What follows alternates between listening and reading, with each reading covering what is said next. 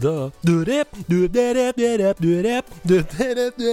Jeg er veldig glad for at jeg slipper å gjøre dette noe mer, fordi nå har vi nemlig kommet til den siste, i hvert fall foreløpig, episoden i serien Spillåret. Og vi er selvfølgelig da kommet til spillåret 2019. Og det er liksom deilig også å ta en litt sånn oppsummering av noe som nettopp har vært, eh, spesielt med tanke på hvor utrolig bra spillåret 2019 var. Til å hjelpe meg med å gå gjennom dette, så er det da helt naturlig å avslutte med den som begynte hele denne serien, nemlig hele Norges vakre unge mann Sebastian Brynestad. I am the man of constant sorrow. I feel no troubles on and well. Jeg tenkte når du begynner sånn, så må jeg begynne. Jeg visste ikke at det var en hit fra 2019, var det? Ikke heller. Her tok jeg alle eggene i en kurv og bare kjørte på med det første jeg kom på. Du, altså, du, du overrasker med sang, ikke sant? Og da må jeg Jeg må ikke Ja. være noe dårligere. Nei, det som er gøy, er at helt garantert så var det en eller annen artist som gjorde en cover av Man of Constant Sorrow og ga ut i 2019, så du sikra deg med ryggen der. Det var selvsagt han eller hun jeg tenkte på. Ja, selvfølgelig. Du, uh, spillåret 2019. Nå er jo vi Ja. voksne, du og jeg. Uh, fikk du mye tid til å game, eller, i fjor? Ja, øh, jeg lever øh, et liv, øh, Hedman, og i det livet så velger jeg faktisk å prioritere og legge opp sånn at jeg får tid til gaming. Så svaret på det er et rungende ja. Det er deilig. Da håper jeg du har, eh, om ikke forhold til alle spillene som vi skal gå gjennom i dag, så i hvert fall et forhold til eh, seriene vi skal gjennom. For det er jo Ja, det er et år hvor det kom eh, nye hva, hva kalles det? Eh, sånn IPs, altså nye intellectual properties, nye serier, men også mange oppfølgere. Så uh, det er jo noen av dem. Jeg tenker vi Ja. bare skal fyre i gang, jeg. Let's go. Uh, den 25. januar i Japan, right off the bat etter uh, at jula har lagt seg, og 29. januar i hele resten av verden, så kommer Kingdom Hearts 3.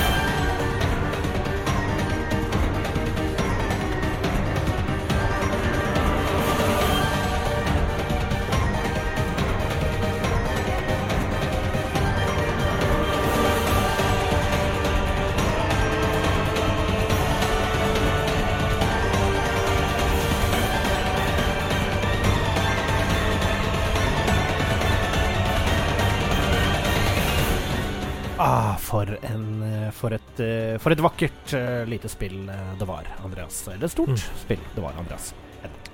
Har du spilt eh, Kingdom Hearts 3, eller? Ja, det har jeg.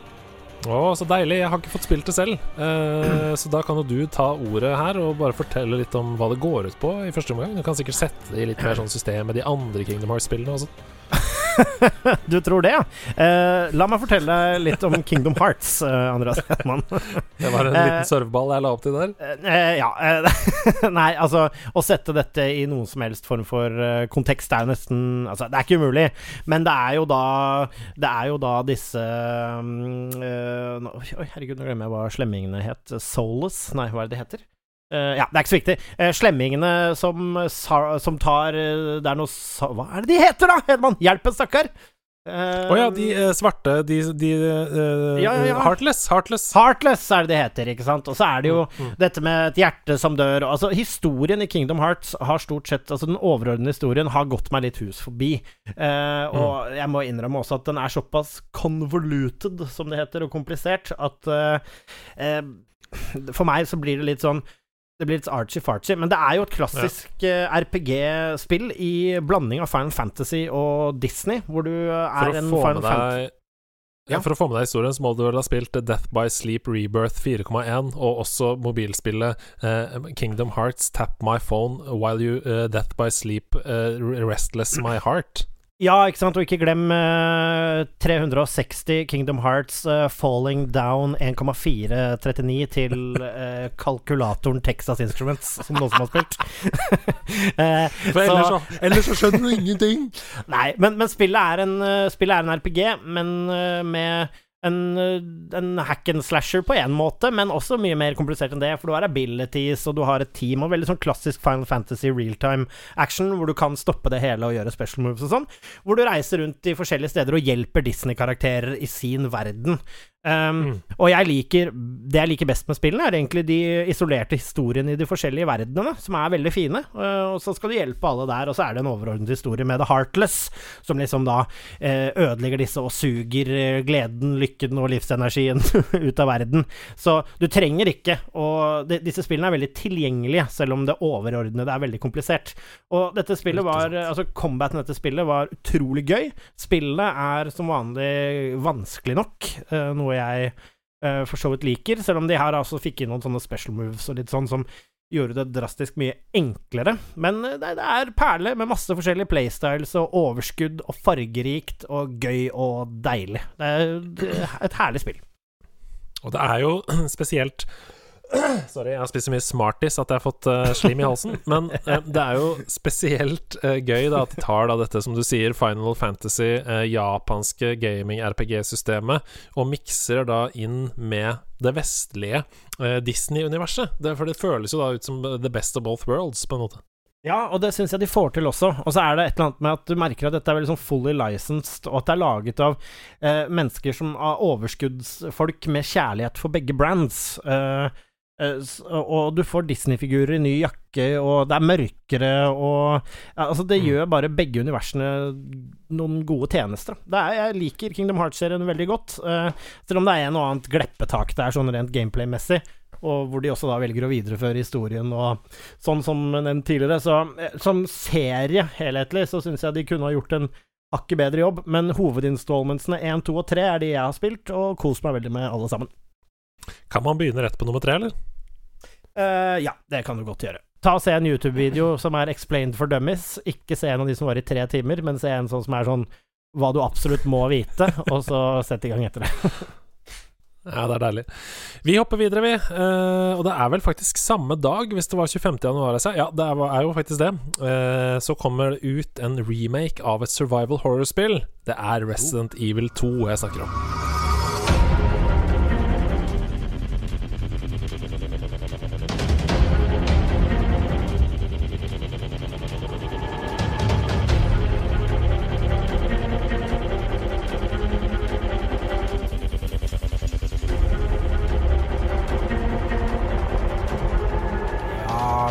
Resident 2, det har jeg spilt. eh, og eh, kost meg Ja, kost meg med. Uh, Streama det faktisk litt eh, også. Eh, det, Ja. det er derfor jeg det er derfor hvor er det man kan se deg streame? Det er litt interessant. Det vi- er sikkert folk veldig lyst til å se.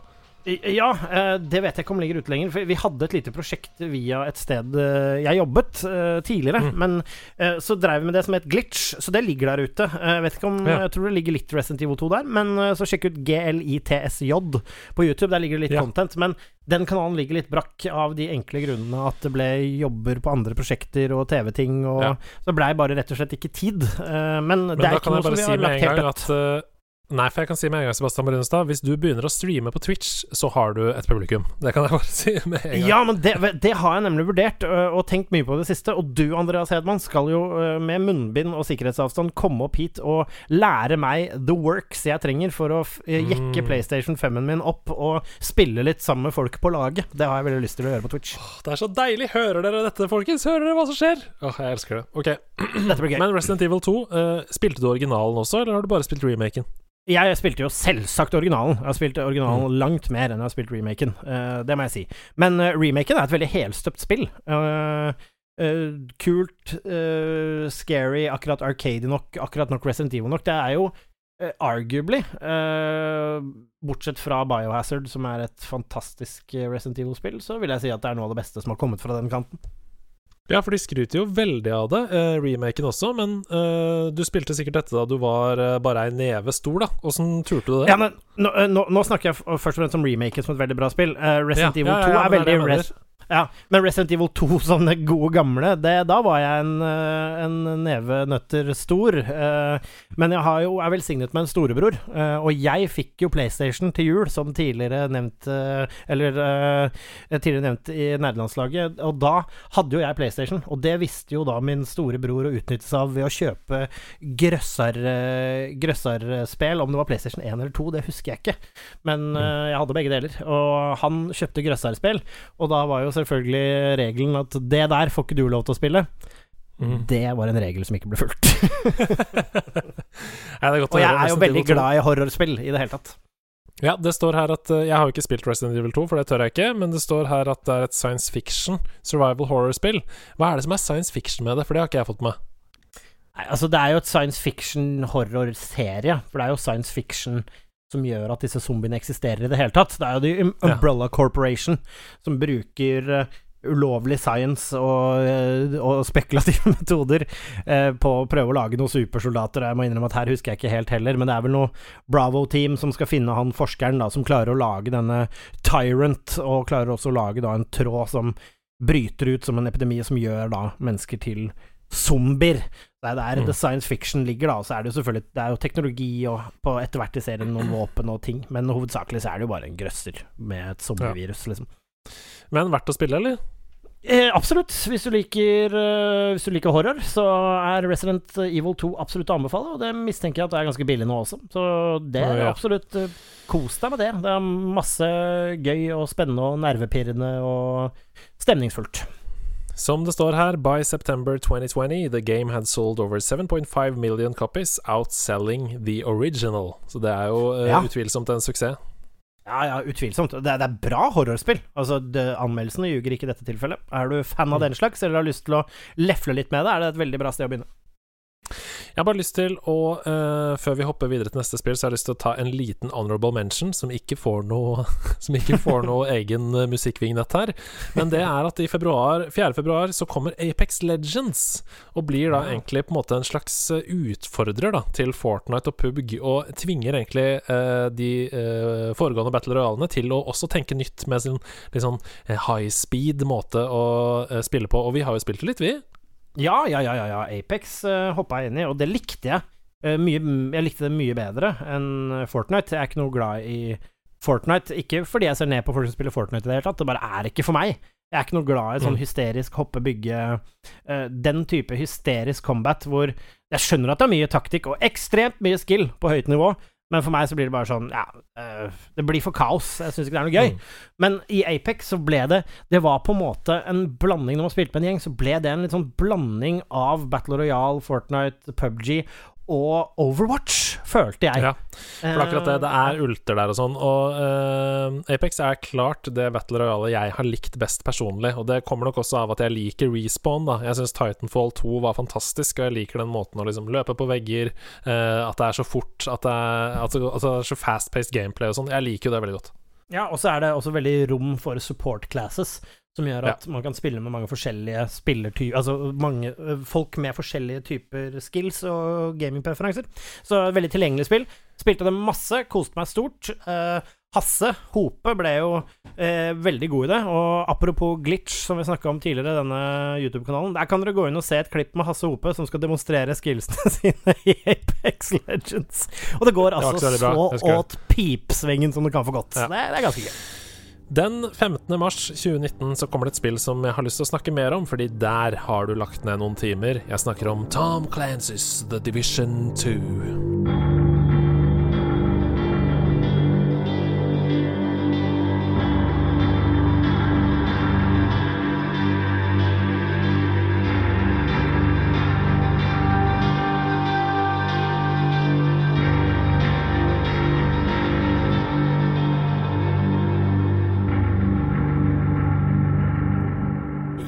Ja, Tom Clancys Division 2, shoutout som vanlig til Eirik Lindsund. Den mannen går aldri unevnt.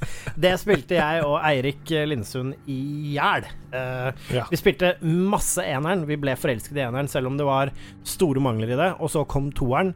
Og det reparerte på veldig mye av det som var gærent med eneren, og bygde på det. Og vi spilte oss opp til liksom første, første cap, da, uh, før de øka capen, og fikk liksom maks uh, raid gear og sånn der. Og da var vi litt mm. ferdig med det. Men uh, la ned mange timer i det, og storkoste meg. Det er jo et mm. For de som ikke vet hva det er, så er det et tredjepersons taktisk skytespill, hvor du spiller på lag i et fireteam, på en måte. Uh, hvor du da skaffer deg bedre og bedre gear i et dilapidated New York, da, uh, som ligger øde. Og uh, du da vandrer rundt i gatene, og det er andre spillere der, og hele pakka. og du kan gå rundt og gjøre masse missions og vinne gear, men så har du noe som heter The Dark Zone, og det er en PVP-sone. Det er masse PVE-gameplay der inne, men det er også mulighet til å drepe hverandre, uansett hvem man er. Ikke, er fri, det, er ikke noe fritt i Dark Zone. Men du går der er det mye med, bedre gear, ikke sant? Der er alt det beste gearet. Det er forskjellige, oh. level, det er forskjellige level av dark zones, da, heldigvis. Så du har liksom en lavlevel dark zone, og så har du høyere og høyere flere sånne svære soner, da. Som er, det er lurt, level. Det er lurt. Det er veldig lurt. Eh, og der kan du da ha gear. Og da samler du opp så og så mye. Du kan oppgradere hvor mye du kan ha i bæreposen under sekken av ting du finner, men det gearet er contaminated. Så ikke bare må du få tak på det, du må få extracta det også. Og du kan vandre rundt med laget mm. ditt og kjøre på, men hvis noen skyter deg og tar tingene dine, så da er du ferdig. Da har de tingene dine. Men da blir de også wanted. Men du må da komme deg til et punkt, og så må du få kalt på et helikopter for å hente det ut. Men når du kaller på helikopteret for å hente det ut, da må du skyte opp et flare. Og da kan alle på kartet se at hei, noen skyter opp et flare der. Og da kan det komme både NPC-er, men uh, det som er verst av alt, da kan det også komme andre lag. Og det er ja. utrolig gøy. Og når du har på mikrofon og chat, så kan du også høre folk snakke i proximity. Oh, så man kan hjelp. snakke til hverandre uh, i proximity og liksom være sånn Hey man, hey man, don't want any trouble. Just let us leave, just let us leave. Og da kan folk true deg sånn. Jeg har blitt holdt på gunpoint av en gjeng som var sånn Drop something epic. Så jeg var sånn uh, No. og hva har du i posen, og de sjekker deg, og plutselig så blir du snipa. Og jeg har vært på flukt og akkurat klart å extracte sammen med et lag, og vært på andre siden og driver bare vært landeveisrøvere inn i Dark Zone, og storkost oss med den funksjonen. Så veldig, veldig, veldig gøy. Det er jo veldig gøy, og The Division 2 det er jo uh, i høyeste grad uh, under support enda. Uh, ja. Ikke bare har det, har det, kommet nylige expansions, bl.a. Warlords of New York kom jo tidlig i 2020. Uh, men det kom jo også til Stadia i mars 2020, som introduserte cross-plattform.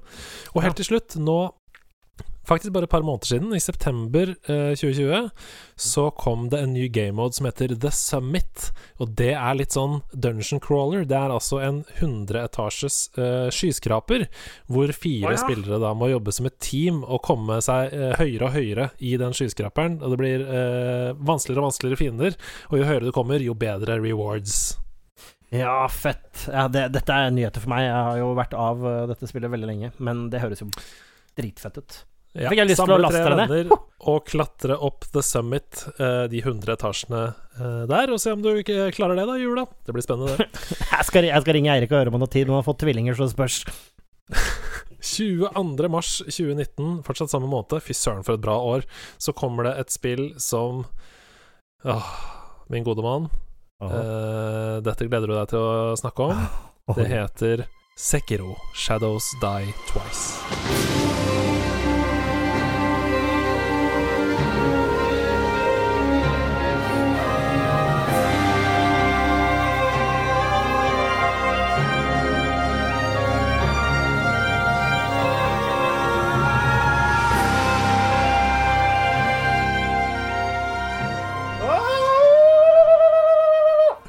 For et videospill, Andreas Hedman! Der Hæ? går meteret i taket. Ti av ti slenges rundt. Det sitter løst nå. Game of the Year Awardsene. Ja da, ja da, ja da. Uh, gi det TV-spillet en gullkrone og en uh, god plass å sitte. For et uh, mesterverk Sekiro er. Spesielt da for fans av Soulsborne.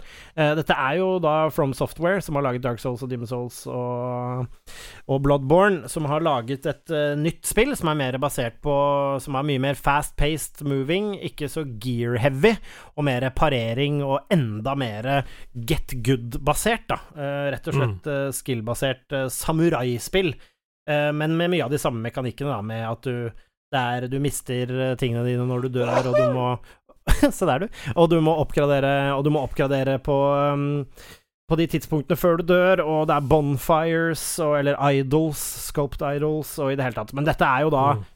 et helt nydelig spill med en fantastisk historie fra uh, liksom den uh, samurai-mytologien og den gamle japanske mytologien, og herregud, det spillet, Andreas. Har du spilt det?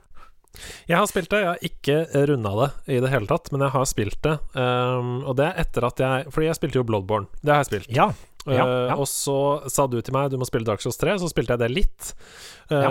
Har ikke spilt det ferdig. Og så tok jeg opp Demon Souls nå i forbindelse med PS5, og det er jo helt magisk. Altså, Demon Souls kommer jeg til å runde. Det syns jeg er helt uh, fantastisk på PS5. Og jeg, jeg er så glad, så kry og så stolt, fordi jeg husker jo i nerdelandslagets begynnelse, en av de første episodene jeg var der, så snakket jeg med deg og Stian om det, og hvordan liksom dere begge var litt sånn Nei, det er, ikke, det er rett og slett bare ikke for oss. Det er, det er ikke for oss. Og, og, nå, Andreas, nå er du ja. en av soulserne, du også. Og Stian er jo mye større soulser enn meg. Han har jo til og med runda Sekiro på stream. Uh, ja, ja, ja. Så så jeg, jeg, skal ta opp Sekiro ordentlig og spille det gjennom, uh, for jeg vet jo at det er fantastisk og ser helt nydelig ut. Men hvis du, har, hvis du vil rangere Sekiro Du har jo spilt alle FromSoft-spillene. Hvor ja. setter du Sekiro? Går det an å sammenligne med de andre, eller er det litt sånn på siden?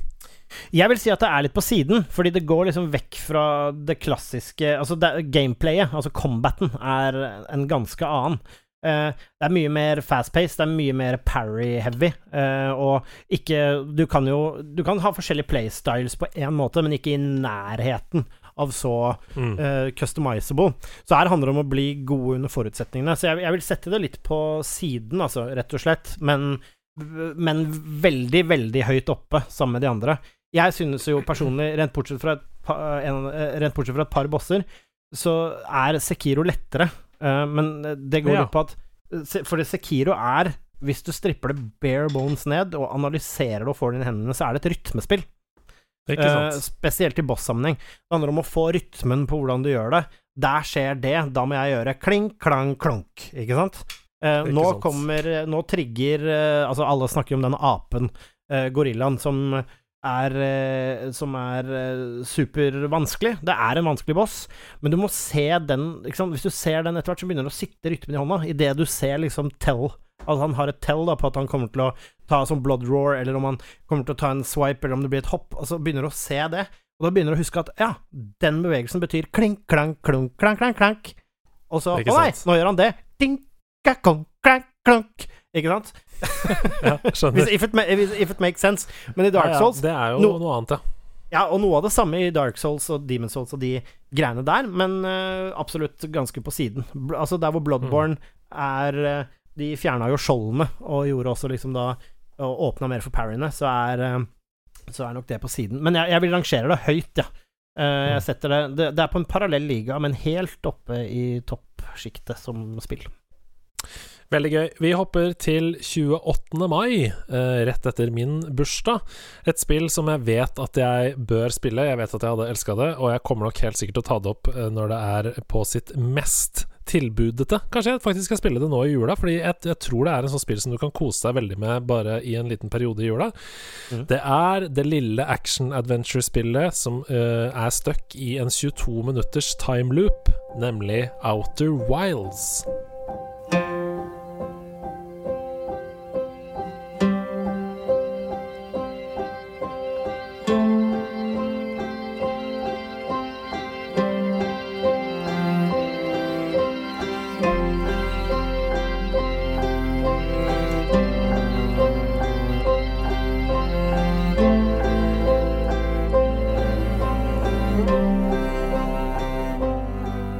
Outer Wilds Jeg har ikke kommet meg av gårde til å spille det mer enn bare så vidt toucha det uh, et par mm. loops. Uh, mm. Men alle jeg kjenner som har spilt det, skryter dette spillet opp i skyene. Ja, for det handler jo da om en, eh, en astronaut som ikke har noe navn, som eh, utforsker et solsystem, og det er som sagt eh, stuck i en sånn 22 minutters timeloop eh, før det resetter, da, eh, når, når sola går inn i en sånn supernova, altså når sola eksploderer eh, og blir til en stjerne og forsvinner, du vet, supernova, som det heter. Ja, ja, ja. Ehm, og, og etter hvert, ikke sant, du lærer jo nye ting uh, ut fra når du gjør disse loopene. Du vet hva som det ene fører til, og hva det andre fører til, og sånn. Mm. Og det er veldig intriguing for meg. At det er på en måte uh, jeg selv som er nødt til å ta valg basert på hva jeg vet i, etter forrige supernova. Det syns jeg er spennende. Ja, det, det, det syns jeg også. Eh, Det eneste som jeg lurer på, og dette er jo litt mer et spørsmål enn en, eh, en påstand, men jeg er i Altså, jeg er jo en av de som uh, Jeg kan la meg stresse om en og, og føle at et spill er mindre tilgjengelig når det er tidscramped. Jeg husker Mm. det tok meg ganske lang tid å digge eller å like f.eks. Majora's Mask-tiden, i starten her Mm. spesielt. Jeg husker at da jeg var liten, at jeg, jeg ble stressa av det, og sånn er jeg litt fortsatt. Eh, når det er sånn countdown-ting i spill, når det kommer sånn Ja, du har ti sekunder på Nei, ti minutter på å løse dette. Det for meg kan være greit hvis det er en liten porsjon, men som main mechanic uh, Nå i Majora's Mask så blir det jo sånn etter hvert at du kan skru på tida sjæl og halvere tiden som går med sanger, og, og etter hvert så går det helt greit. Men jeg hadde gjennom hele Majora's Mask alltid den derre litt guffende følelsen av dårlig tid, og, Ja, ja. og ikke kunne kose meg i verden, rett og slett, pga. tidspresset. Skjønner du hva jeg mener? Det gjorde at jeg aldri uh, falt for Majora's Mask, for min del. Det er, såpass, Ja, eh, det er såpass dramatisk, på en måte, så jeg skjønner veldig godt hvor du kommer fra. Men jeg tenkte jeg bare skulle lese her, fordi uh, Alex Beacom er han som står bak det, og det begynte som hans masteroppgave, rett og slett, i, på universitetet, Interactive Media and Games-universitetet han gikk på. Mm. Um, og det ble da inn Det ble til en full fullproduksjon eh, og en kommersiell utgivelse, men det han sier Fordi uh, her kommer det et sitat som jeg tenkte jeg skulle lese opp. Um, While journalists have compared Outer Wilds time loop mechanics to that of The Legend of Zelda Majora's Mask. Artig at du skulle si det. Beacom notes that these mechanics are used in Outer Wilds primarily to allow the creation of large scale dynamic systems, as opposed to playing around with casualty, as in Majora's Mask. Så det handler Ja. mer om her at um, Det handler mer om Altså, dette er jo et Space Exploration-spill, Mm. uh, og det er, det er meningen at du skal dø, på en måte. Altså, det er meningen at uh, supernovaen skal skje. Ja. Det er på ingen som helst måte meningen at du skal klare det på første run. I Majora's Mask så føles det jo som at eh, spillet gjør narr av deg og sier sånn Nå kom månen i hodet ditt. ja Mens men her så så- er det sånn Men, men jeg må bare si Jeg må jo bare si det kjapt, da. At altså, i Majora's Mask også, så er det jo faktisk noe man når, Altså nå når jeg spiller det, så har jeg ro i rumpa. Jeg elsker det spillet. Eh, Mm. Og det tok ikke så Og jeg lærte meg å elske det ganske tidlig, på 64 også. Men det var bare den Ja. der følelsen i starten. Men jeg har ingen altså jeg, Det er ikke noe tvil i mitt sinn at det spillet her kan være noe for meg, altså. Men, mm. men er- jeg liker at han sier det, da. At her handler det om at du skal liksom ha flere loops. Det er de, de Mm. tingene jeg ikke liker, er når Hvis jeg har kjempet meg gjennom noe Altså, det jeg hata i Selda, var når jeg var inne i et tempel. Eller altså, no, al- Ja, hvis, du, al- hvis du liksom ikke skulle rekke det Men da husker jeg ikke hvordan det var med når tida så stille og sånn, men det er sånn Når du har gjort noe som var vanskelig, og hvis det da jeg da går tom for tid det, det stresser meg bare. Så jeg orker ikke spill er- som stresser meg. Det har jeg ikke tid til. Nei, det skjønner jeg godt. Det er slitsomt. Men Outer Wilds, hvis du liker spill som No Man's Sky og Space Exploration, så er det bare å plukke opp. Eh, jeg skal i hvert fall eh, teste det nå i jula. Det bestemte jeg meg for akkurat nå. God Ok. Okay. den 27. august 2019 så kommer det et spill som var veldig plaga av ehm, at det var fullt av bugs til release, dessverre, fordi det har jo vist seg å være et magisk mesterverk, og kanskje det aller beste som dette spillselskapet har lagd. Jeg snakker om uh, developeren Remedy Entertainment og spillet Control.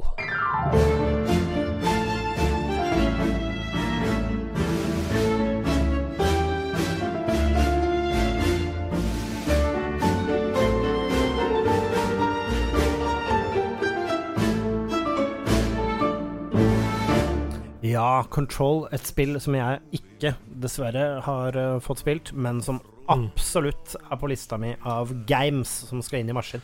Det er jo Ja, det var, var, spille, var, det på, var det på PlayStation Plus, eller innbiller jeg meg dette? Det tror jeg kanskje du innbiller deg ja. Nei, vet du hva, det har, det har kanskje vært på PlayStation Plus, det. Det er mulig du har slengt det i biblioteket der. Det er ikke så dumt, det. Jeg skal prøve å finne det ut i Wikipedia-artikkelen her. Ja, sjekk. Um, Jeg kan sjekke selv, Post dette. release ja, eh, Mens du prøver å finne ut av det, om det var på PlayStation Plus, så kan jeg snakke litt om Control. Control er jo da et action adventure-game som um, dreier seg rundt noe som heter The Federal Bureau of Control, eh, FBC. Det er vel en slags FBI, da, kan du si? Høres Um, sånn som er et hemmelig, et hemmelig amerikansk agency. Og uh, det som den, det agency holder på med, er å studere uh, ting som bryter med virkelighetens lover. Um, og um, hovedkvarteret til Federal, Federal Bureau of Control heter The Oldest House. Og i The Ja. Oldest House så er det da en veldig sånn dødelig fiende som heter The Hiss, som har rett og slett invadert The Oldest House og uh, fucker med virkeligheten. Uh, og du får da evnen underveis. Du spiller som en kvinnelig hovedperson, så får evnen til å bøye reglene for virkeligheten for å bekjempe disse The Hiss da, i The Oldest House. Og det Mm. er så weird, og det er så kult, og du flipper mellom virkelighet og eh, fantasi og sånn hele tiden. Du hopper ut i en av verdener, du kan bruke eh, omverdenen rundt deg som, og suge til deg bruke som våpen, litt som eh, hovedpersonen 17, er det den heter, i Stranger Things. Ja, eh, Eleven. Eller 13. 13 er det den heter. Eh, Eleven er det hun heter. Eleven er det hun heter. Uh, eh, og du kan dra en um, reol til deg og pælme på folk, f.eks. Og det er kjempegøy. Altså Det føles som om uh, dette The Oldest House er din oyster, og du kan bare manipulere den som du vil. Det er veldig gøy, altså. Ja, nei, jeg kan si at det har ikke vært på PlayStation Plus, det har jeg innbilt meg. Uh, men, eh, men, uh, men jeg har sett Jeg har sett en, en fyr som jeg liker godt på nettet, streame den første timen. Mm. Og det ser jo unektelig dritfett ut. Men det er mye skumlere enn jeg trodde, og det trigga Mm. min interesse. Det er dritskummelt. Jeg syns det var kjempeskummelt. Uh, men jeg likte det, for det var aldri sånn at jeg var helt livredd over lang periode. Ofte så var jeg på en måte redd i Eller syntes det var ubehagelig i perioder, og så kommer man ut i lyset, ikke sant, og så er det greit, og så er man tilbake i hovedkvarteret, og så uh, oppsummerer du hva du har lært, og så hopper du inn i det igjen, på en måte. Det er litt sånn. Mm, mm. Litt sånn Det likte jeg godt. Ja, nei, det Ja, ser, nei. eh, ser veldig fett ut. Control kan jeg anbefale til alle som er glad i TV-spill, og som har lyst til å se hvor langt dette mediet har kommet, fordi det er en historiefortelling som er kjempekul. Anbefales. Kanskje, er det, kanskje, er, eh, kanskje det er eh, noe å dra fram i jula. Det, det, det seiler opp som en kandidat her. Det vil jeg absolutt si at det er. Eh, noe annet som er mulig å dra fram i jula, hvis du vil bare ha en pause fra eh, covid-19 og seriøsitet og alt som er kjipt, og bare shoot some aliens in the face, så skal vi selvfølgelig til 13.9.2019, et spill jeg har spilt drita mye, og som jeg planlegger å spille helt ferdig alle delscenene, det er Borderlands 3.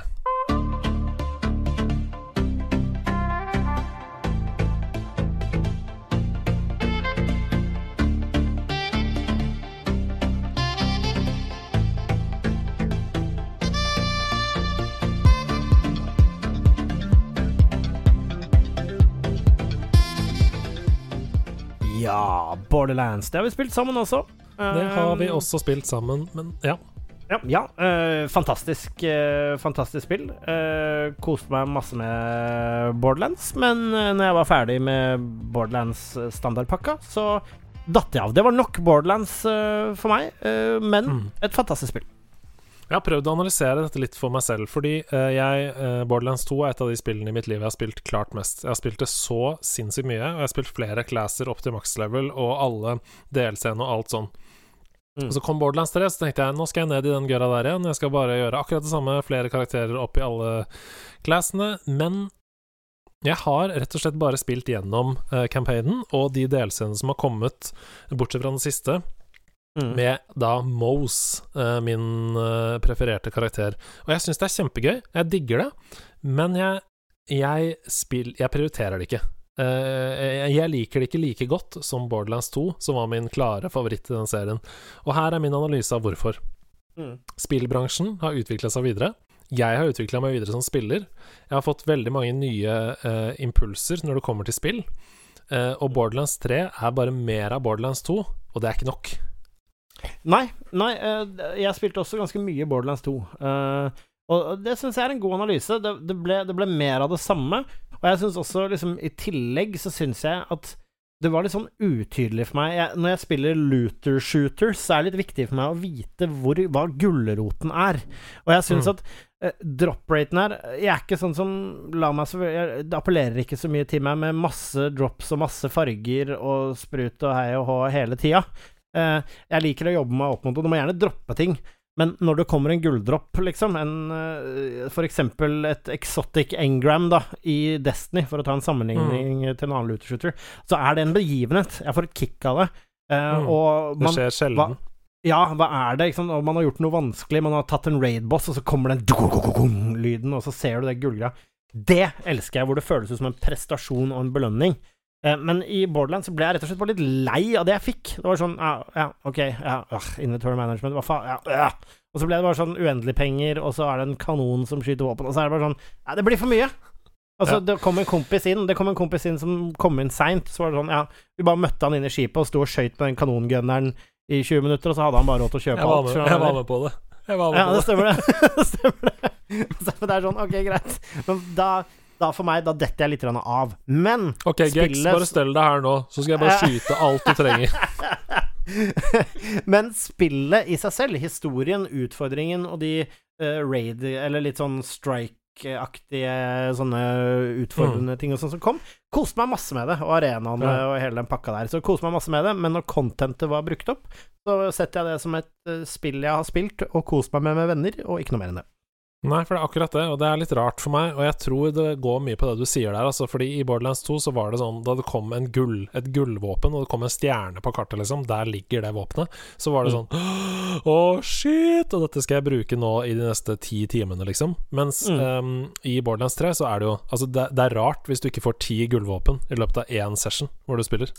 Ja, og det for meg, da, da går det inflasjon i det Ja, vi spiller det. for, nemlig drops, og det, Det det, er ikke en god det. ting. Borderlands 3, veldig gjennomarbeida og godt looter shooter som er gøy å spille gjennom med venner, men that's it. Vi skal videre til et mikrospill som du kommer gjennom på eh, 0, swish, men guri malla så fint det er, og så gøy det er, og så f- ja, så unikt det er, og jeg anbefaler alle som liker spill å spille det. Det heter Sayonara Wild Hearts.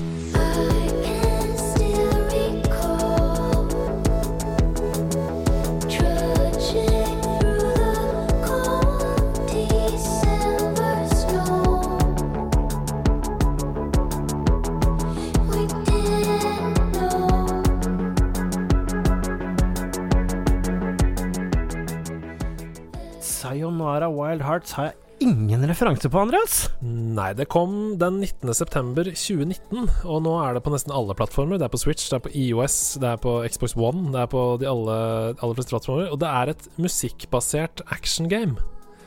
Um, Oi. det som er gøy med det, er at uh, coveret på en måte er uh, i størrelse Altså det er én-én-cover, fordi det skal ligne på en CD-plate. Fordi um, spillet er beskrevet som et pop-album videogame. Det er rett og slett at hver bane av spillet er satt til en sang. Ja. Uh, og da guider du, da, som spiller, uh, en kvinnelig hovedkarakter, hvor du samler på hjerter, du unngår u- eh, liksom hindringer, og så slåss du mot fiender til i rytme med musikken. Um, yeah. Det er 23 baner, og det er utrolig fett. Surrealistisk landskap, ku, veldig, veldig kul musikk, og masse farger, og kjempe Ja, det er kjempegøy, altså. Er det litt sånn som Cadence, eller? Ja, jeg skjønner at du bruker sammenligning. Det er uh, full 3D. Um, Så det, det er ikke top down. Du følger denne motorsykkelen, for eksempel, da, som du kjører på innimellom, um, bak Bak Altså, kameraet er bak den motorsykkelen.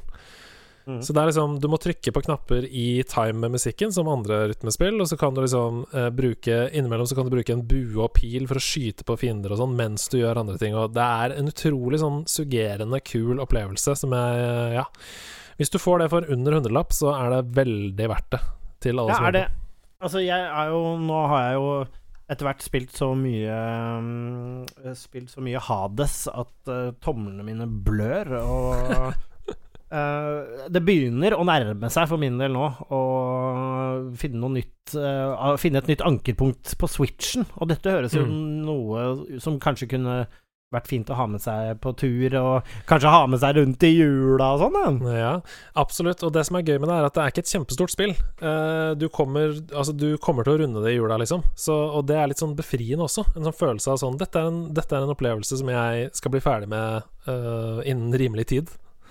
Uh, Men gi den 1 til 8, da. Nei, 1 til 10. 1 til 10 mm, Ja, 8. Åtte av ti. Eh, og åtte av ti fordi det er et såpass lite spill at det er vanskelig Altså I sin sjanger så er det et kjempebra spill, men jeg syns det er vanskelig å sammenligne det med Breath of the Wild, liksom. Hvis du skjønner hva jeg mener. ja, det er litt dårlig gjort, da. Um, Så det er sånn Det er en kjempekul opplevelse, men det er som alt hos Odyssey. Altså, det er ikke Det er ikke, det er ikke en Husker deep altså- war mellom alle Husker du vi så på PlayStation-konferansen, og det kommer Altså, ja. Nei, det kommer noe nytt. Uh, samme. Eh, glem det. Glem det. Det var internt. Ja, ja, ja. Vi går videre, vi, til 20.9.2019. Um, begynner å nærme seg slutten av året her. Jeg har en fem-seks spill igjen på lista mi. Mm. Okay. Dette her har du snakka masse om i nederlandslaget, og dette tok meg veldig på senga. Altså. Jeg, jeg så ikke at dette skulle bli så Jeg grein da jeg var ferdig med å spille det. Jeg snakker om The Legend of Zelda Links Awakening.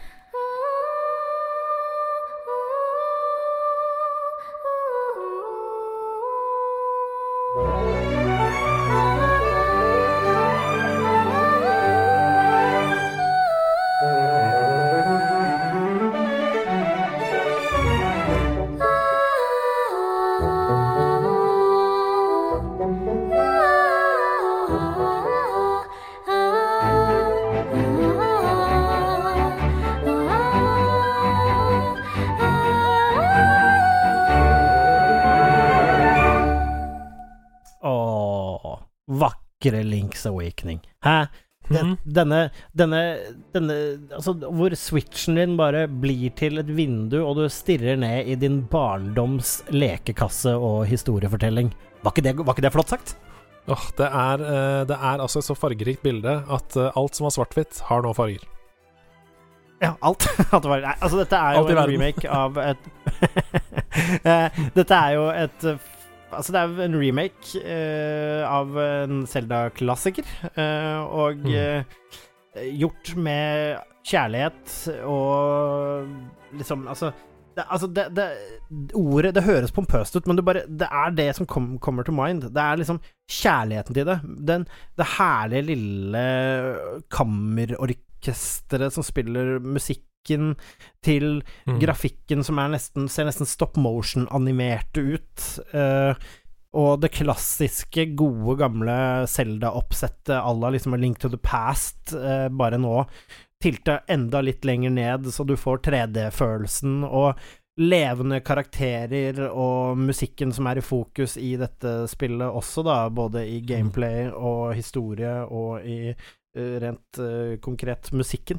Al- Altså, det Det tok meg litt du, sier det tok deg litt på senga, og det tok på en måte meg litt på senga også, fordi det var så Jeg trodde det skulle bli en veldig fin opplevelse, men det ble så veldig mye finere opplevelse enn jeg trodde det skulle Mm. bli. For et, uh, altså for et kosespill. Vi Mm. har snakka mye om det i nederlandslaget, men bare den lille Altså, det er så mye kjærlighet til originalen der. Bare at de har lagt tilt-skift på hele bildet, med sånn ufokusert eh, i toppen og bånn av, av switchen, gjør jo at det føles som du spiller på en Gameboy. Ja, ja, ja. Uh, og det er så mye sånne små detaljer som det, da. Og jeg må bare si at det kan, de dungeonene kan være så farkings frustrerende til tider, men det føles så rewarding når du kommer deg gjennom. Det er ikke Altså, det er rett og slett ikke walkover, det spillet der. Nei, det er ikke det. Det er vanskelig, og det er vanskelig fordi du må tenke. Uh, og hvis du ikke orker å tenke, ja, da er det bare å google, og det er helt greit. Um, Siste boss er også krevende, uh, og der er det ikke noe å google. Der er det rett og slett bare å get good. Uh, men det er et kjempegøy, vakkert spill som får fram masse følelser, og som spiller på alle de riktige strengene, syns jeg. Ja, og det, altså, apropos siste bossen her og Get Good, kan dette her være starten på at vi endelig får se From Softwares nye uh, Altså Dark Hyrule eller Blood Link Oi, to the past. oi, oi, oi, oi. Tenk deg selv to the past. Blink to the past. Tenk deg Zelda-skin på mekanikken Zelda-skin og historie på mekanikken og grafikken i uh, Demon Souls på PlayStation 5. Det er sånn her et gritty, mørkt Zelda-spill med Link som kjemper seg gjennom Ganons castle, liksom. Ja! og du må samle liksom Du har eneste companionen din er Fairin, og den er sånn Lampa på fairen er i ferd med å dø, men du kan rekindle fairen din i bonfires. Uh, Ja, og rundt omkring uh. så ligger det sånne scrolls som folk har lagt igjen. ja, og så er det Du må komme deg til de tre ytterste corners for å få det For å få the Triforce. Ah, fytti grisen! Vi vi tegner opp her. Videre. Det blir en uh, drøm, dette, men la oss spille det inn til eh, legendene i henholdsvis FromSoft og Nintendo. Vi skal videre til 15.10.2019 på Windows. Det har kommet på masse plattformer siden det, og det kommer faktisk på enda flere i 2021. Eh, jeg snakker om det lille krim-RPG-spillet Disco Elysium.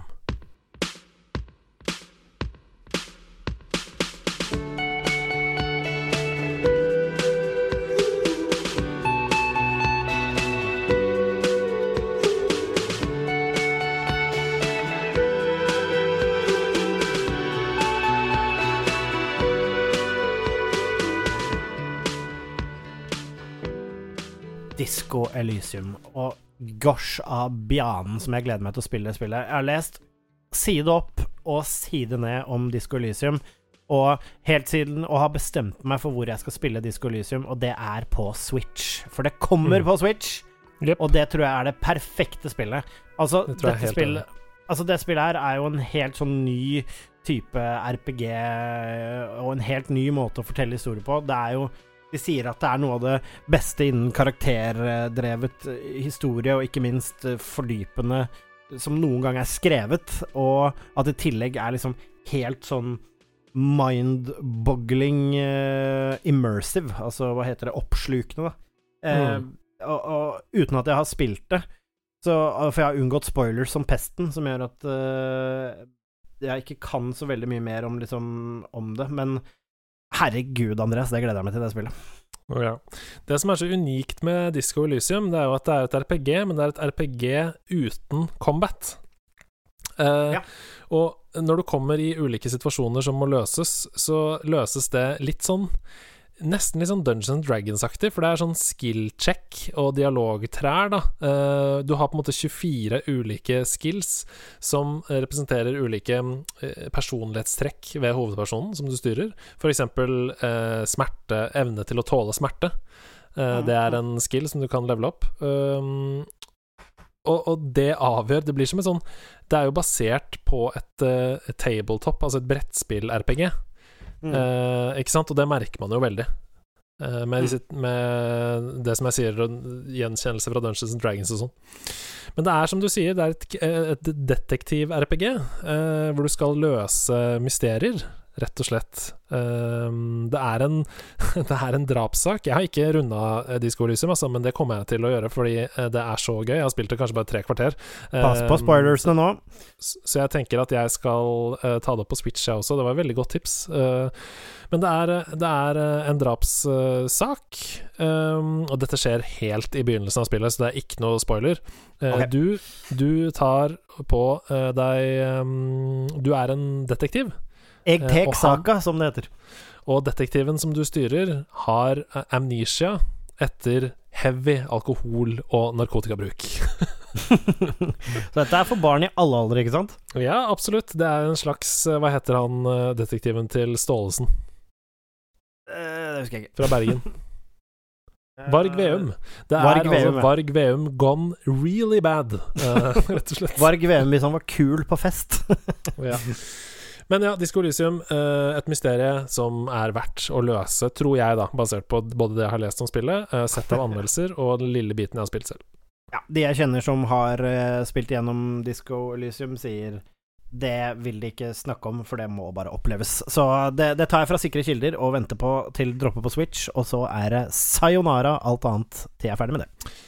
To kjappe mentions her uh, av spill som jeg um, også har veldig lyst til å spille, men som jeg ikke har fått spilt i 2019. Uh, første kommer fra Obsidian, selskapet som lagde det beste Fallout-spillet, nemlig New Vegas. Og det er selvfølgelig The Outer Worlds, som kom 25.10.2019.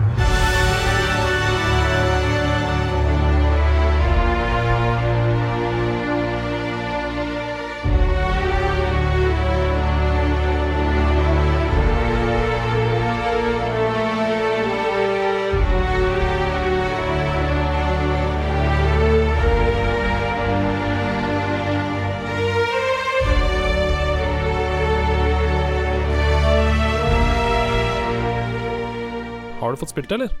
Uh, jeg har noen timer i Outer Worlds. Må bare stoppe deg to hakk der. Uh, du bare helt uh, du, Altså, det er jo Det strides om hva som er det beste Fallout-spillet.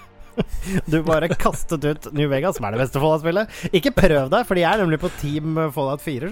Ja, ja, jeg skjønner dette her. Fallout 4? Jeg vil i hvert fall tro at det kanskje var Fallout 3. Nei, nei, nei, nei, nei Fallout, Fallout, 3. Fallout 3, Sorry. sorry. Oh, nå ble jeg stressa. Du, ja, ja, du var så glad i å bygge base i Fallout 4 at du tenkte at dette er det beste noensinne. Det var Minutemen som gjorde det for meg. Uh, nei, um, det er Fallout 3. Men uh, nok om det. Um, um, jeg har noen timer i det. Uh, overskudds overskuddsprosjekt. Uh, ble hooka med én gang. Uh, spilte Har spilt sånn fire-fem timer, men da faila spillet å holde meg. Det var en av de som jeg tenkte sånn Det skal jeg spille nå, og så Nei, så vet du hva, jeg slapper av, gjør noe annet. Ja, uh, Ser en film i stedet.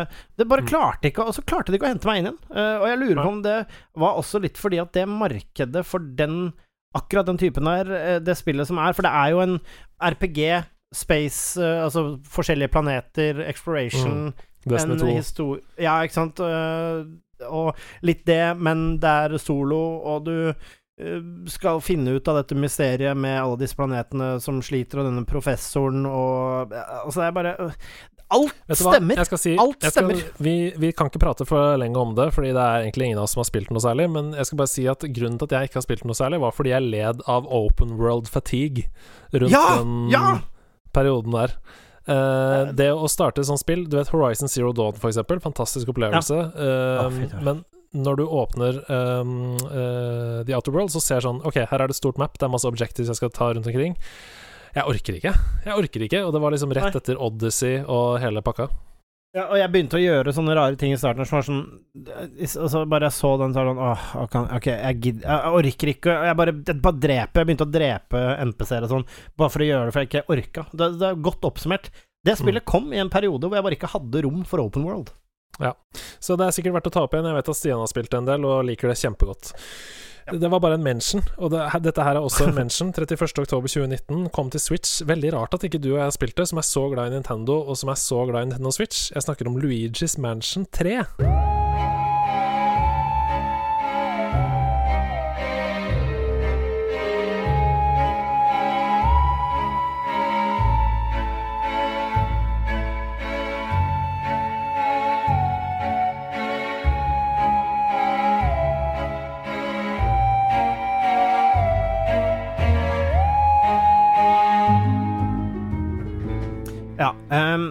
for meg så kommer det av at det er, vi lever i en tid hvor det kommer ekstremt mye gode spill.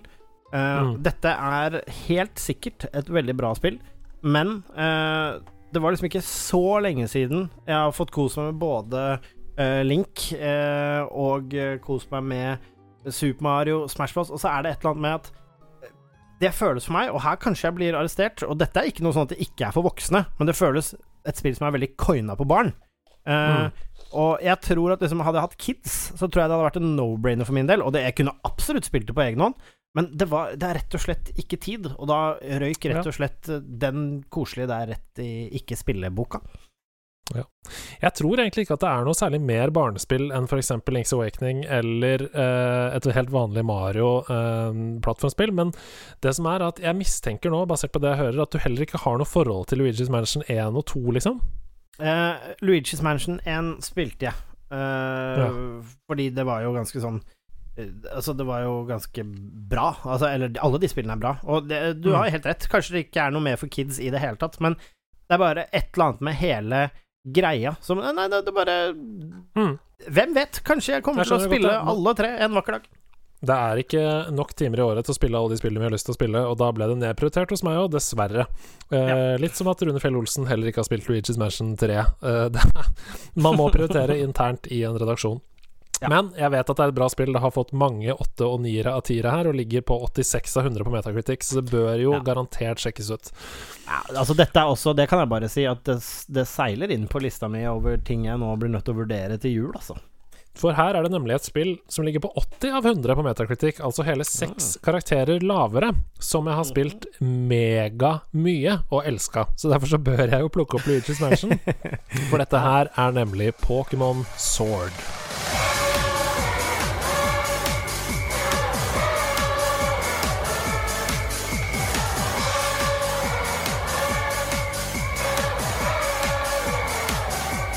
Ja, Pokémon, det var hyggelig når det kom. Eh, Eller eventuelt Pokémon Shield, da, hvis du valgte den eh, versjonen. ja, valgte Sword, ingen hemmelighet det. Eh, Mm. Men eh, ja, eh, klokka, klokka meg gjennom. Eh, Ja, du har spilt gjennom hele hovedhistorien?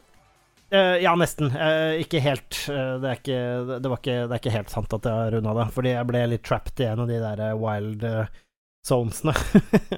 Eh,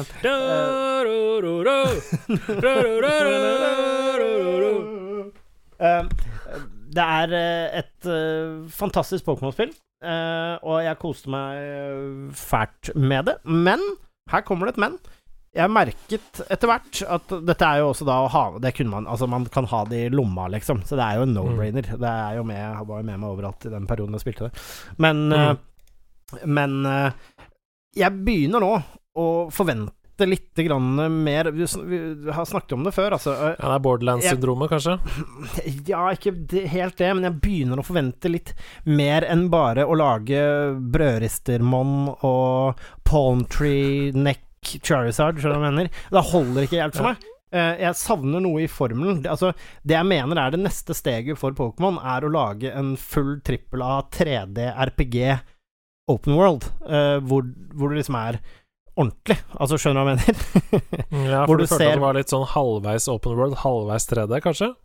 Ja, det, det ble litt sånn half and half, og så er liksom potensialet til at Pokémon går rundt i verden og hele den pakka der.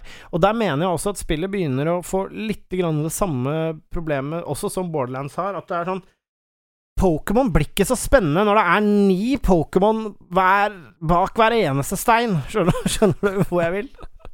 Ja, jeg skjønner akkurat hva du vil. Det er det eh, inflasjonsproblemet en gang til.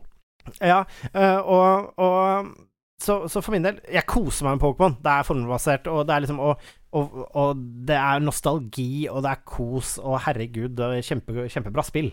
Eh, men Mm. det blir for meg å get the band back together, som jeg kaller det. Fordi jeg prøver jo å få samme bandet fra første Pokémon Rød Pokémon Rød-spilling eh, til å samle det samme laget og vinne, og vinne mine trenerkamper. Så eh, jeg koser meg med det, men det er ikke et spill jeg blir i etter jeg er ferdig med det, fordi nå er det på tide å gjøre noe med utviklingen til Pokémon-spillene, syns jeg. Jeg hører hva du sier. Jeg elska Pokémon Sword. Jeg. jeg brukte masse tid på det. Og jeg, um, denne Galan-regionen da som jeg er i i Pokémon Sword og Shield, den er jo veldig ehm, basert på London. Altså, eller ikke London, United Kingdom er den basert på, ikke bare byen London. Uh, grunnen til at jeg sa London, er fordi den hovedbyen i uh, dette landet er veldig basert på London, nemlig Wydon, er det det den heter? I, i, i, på, i ehm, dette landet vi er i, som jeg nettopp sa, som jeg ikke husker hva var det. Hva var det jeg sa? Ga uh, Galan? Nei, hva var det? det husker jeg Galar. Galar, Galar-region. Galar. Galar, Galar. Eh, og jeg digga det at det plutselig så var vi liksom Det var så variert natur, og her var det snø og is, og her er vi langt nedi uh, Her er det liksom flammer og, og grotter og, og grønt gress, og jeg følte Jeg er skikkelig glad i England, så jeg følte at jeg var i England ofte. Ja. Eh, og så likte jeg å, å finne ulike Pokémon som kunne Altså klassiske Pokémon-oppskriften. Eh, samle på én, altså den beste, på en måte, følte jeg, da, i hver, eh, hvert element, sånn at jeg alltid hadde noen å jobbe mot. eh, når det kom til fighter hvor det var en som har heavy elektrisitet, eller en som har heavy fire og sånn. Så jeg digga det mad, altså. Jeg har aldri vært noen samler, så jeg var ikke i nærheten av å fylle pokédexen. Men jeg syns det var vemodig da jeg hadde tatt siste boss og var på en måte ferdig og lukka Pokémon Sword. Jeg syns det var vemodig. Ja, ja, nei, uh, det, det, forstår jeg veldig godt, og for min del, så dette er Jeg syns Hvis jeg skulle gitt en karakter til ti, så hadde jeg gitt åtte av ti. Uh, mm. Veldig bra spill. Uh, men nå må dere bare gi meg litt til neste gang. Ja. Gjør, litt enig. Dette var nok Dette var siste, på en måte, syns jeg òg, da, i, i, samme oppskrift. Vi kan gjerne få ja. noe nytt nå. Men det tror jeg ikke det kommer til å bli, Fordi så lenge det casher sånn som det faktisk gjorde på La oss være ærlig, reskinne og rebuilde mye av det samme med litt attåt, så tror jeg det kommer til å bli uforandret. Men drømmen lever om et Breath of the Wild-grafikk eh, og type utseende eh, Pokémon-spill. Vi snakka om Respawn innledningsvis av denne podkasten, og vi skal avslutte også med Respawn. Og guri malla, for et deilig, deilig år 2019 var for det selskapet. For helt på tampen av året, den 15. november 2019, så kom det et spill som var fantastisk, fantastisk bra, og som virkelig endelig eh, utløste potensialet i en helt legendarisk, eh, et legendarisk univers. Jeg snakker om Star Wars Jedi Fallen Order.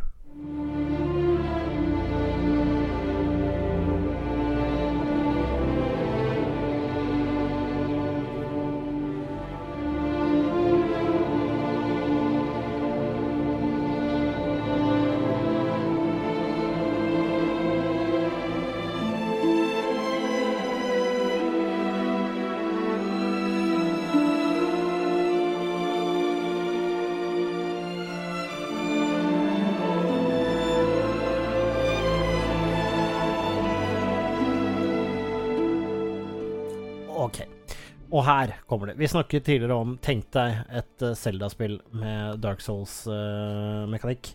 Her får vi jo rett og slett et Star Wars-spill med, uh, med tung, tung inspirasjon da fra uh, From mm. Software-spillene. Altså, Der var det jo vanskelighetsgrad også, noe som jeg skjønner at det gjør for et varemerke som Star Wars, uh, som på en måte skal være tilgjengelig. Men å cranke den opp på det vanskeligste og spille det, er én av mine favoritt uh, game sessions i uh, 2019. Um, jeg er jo veldig Star Wars-fan, uh, og veldig, veldig glad i universet. Og her mm. turte de å lage et spill som uh, hentet fra noe som er populært nå, og liksom og lagde, De lagde et skikkelig, skikkelig spill. Det er et ordentlig, ordentlig spill. Det har absolutt mangler, og jeg mener som for eksempel det jeg kan trekke det på, er bosser og, og mye rart som skjer der, som er litt sånn repetativt med disse Husker jeg ikke hva de heter, men disse hovedslemmingene du møter, disse som har litt sånn force powers og sånn, og alle er litt oh, ja, like. Eh, Zabrak. Zabrak. Ja, ja, det er vel noe sånt, men, men det, er, eh, er, er i hvert fall Hver eneste lille miniboss du møter, er liksom mer eller mindre den samme greia, hvis du skjønner hva jeg mener. At oi, mm. her kommer det en sånn Så jeg syns det var lackluster på bossfronten. Uh, ja, du tenker på bossfronten, ja. Da er det enten ja. Inquisitors, da, eller så er det ja, de beastsene. Ja, ja, takk. Inquisitors er det de heter. Um, så jeg, jeg syns det var litt lackluster der, men å kose seg inn der, utvikle force, finne ting til sabelen, gå og mm. finne din krystall, og i det hele tatt bare Alle de tingene dette gjorde. Uh, jeg syns det starta helt sånn übermagisk i åpningsmiljøene og de første stedene du er, så syns jeg det dabber litt grann av, og noen områder er ikke like bra som de andre, men overall en skikkelig, skikkelig, skikkelig deilig opplevelse for en Star Wars-fan. Og jeg leste alt av law og ting og tang og utforska hver eneste krik og krok og ble ordentlig, ordentlig god i det, og storkoste meg med det spillet. Det er så utrolig mye frihet også. Jeg husker jeg, jeg, jeg, eksperimenterte litt med For det er et sånt område hvor du kommer til en bro hvor det er en um, uh, stormtrooper som står på den broa. Og så kan du drepe han på en milliard forskjellige måter. Det er så utrolig gøy. Du kan enten løfte han med Jedi Powers og slippe han ut i gapet. Du kan uh, det, Altså, det er, det er en milliard må måter å drepe han på. Og det er bare sånn spillet bare sier til deg sånn uh, Her er et sett med skills. Full valgfrihet. Gjør hva du vil. Mm. En, en, annen ting uh, en, Altså, de tingene der er vel og bra. Jeg vil også si at en ting jeg vil trekke det bitte litt for, som jeg bare ikke er noe spesielt stor fan av, er sånn eh, steder som er blokt av at du ikke har en spesiell egenskap eller power, hvor de ikke bare Ja. sier det til deg med en gang. For å komme over her, så er du nødt til å ha det. For det er flere steder hvor jeg bare Exploreren i meg og Dark Souls-veteranen i meg sier bare 'bring it on'. Jeg driter Ja. i det. Vi skal bare kjøre på.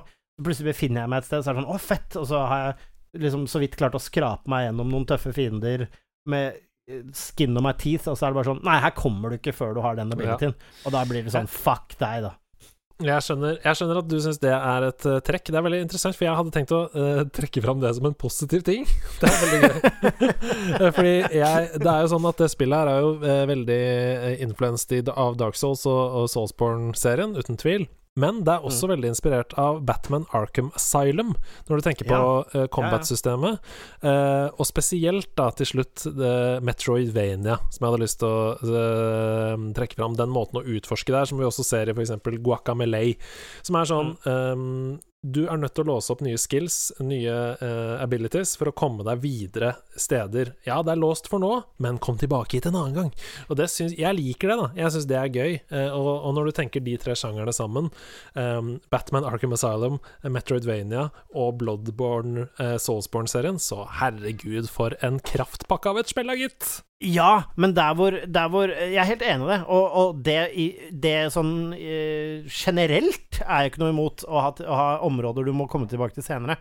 Men det var flere steder her hvor jeg klarte å komme meg et stykke, eller være på en plass, eller virkelig liksom Hvor det ikke var, hvor det ikke var clear cut, at her kom, kommer du ikke videre. Og det var gjerne etter at jeg hadde beveget meg et ganske langt stykke og gjort kanskje noen eh, veldig utfordrende ting. Og da mener jeg at det er litt sånn dårlig gamedesign, fordi ak akkurat det. Fordi det er i, i Batman Arkham Asylum, for eksempel, så kommer du ikke Du får ikke gått langt ned i the rabbit hole før du finner ut at du mangler en ability. Nei. For å komme ned det rabbit holet, hole, så må enig. du ta den først. det. Ja. Det, er, det er det eneste. Men, men herregud, nå satte jeg flisespikka på det som er en av mine favs i 2019. Det var et fantastisk spill. Jeg elsket det. Du, uh, dette er et litt vemodig øyeblikk, for nå har vi holdt på helt siden 1995, tror jeg, hvis jeg ikke tar helt feil, med denne spillåreserien, og nå er det ikke flere år igjen. Det er ikke har- Altså ja, altså vi Vi skriver jo snart 2020-2021 på kalenderen. Eh, så blir det en spillåret 2020. Ja, det blir nok det, men det blir nok ganske lenge til, fordi det må få lov til å synke litt eh, før vi tar for oss det. Men uh, tusen takk da for at du har vært med på veldig mange av disse episodene, og ikke minst tusen takk til deg som hører på, for å ha hørt, um, hvis jeg ikke tar helt feil, da, 24 spillår uh, som vi har analysert fra A til Å. Det har vært utrolig mange perler, og uh, er det noe denne serien har lært meg, så er det hvor heldige vi som gamere er. Eh, så mange vakre opplevelser vi har hatt mulighet til å oppleve. Er det noe du har lyst til å legge til til slutt? Hva tenker du om 2019? Hva tenker du om denne serien?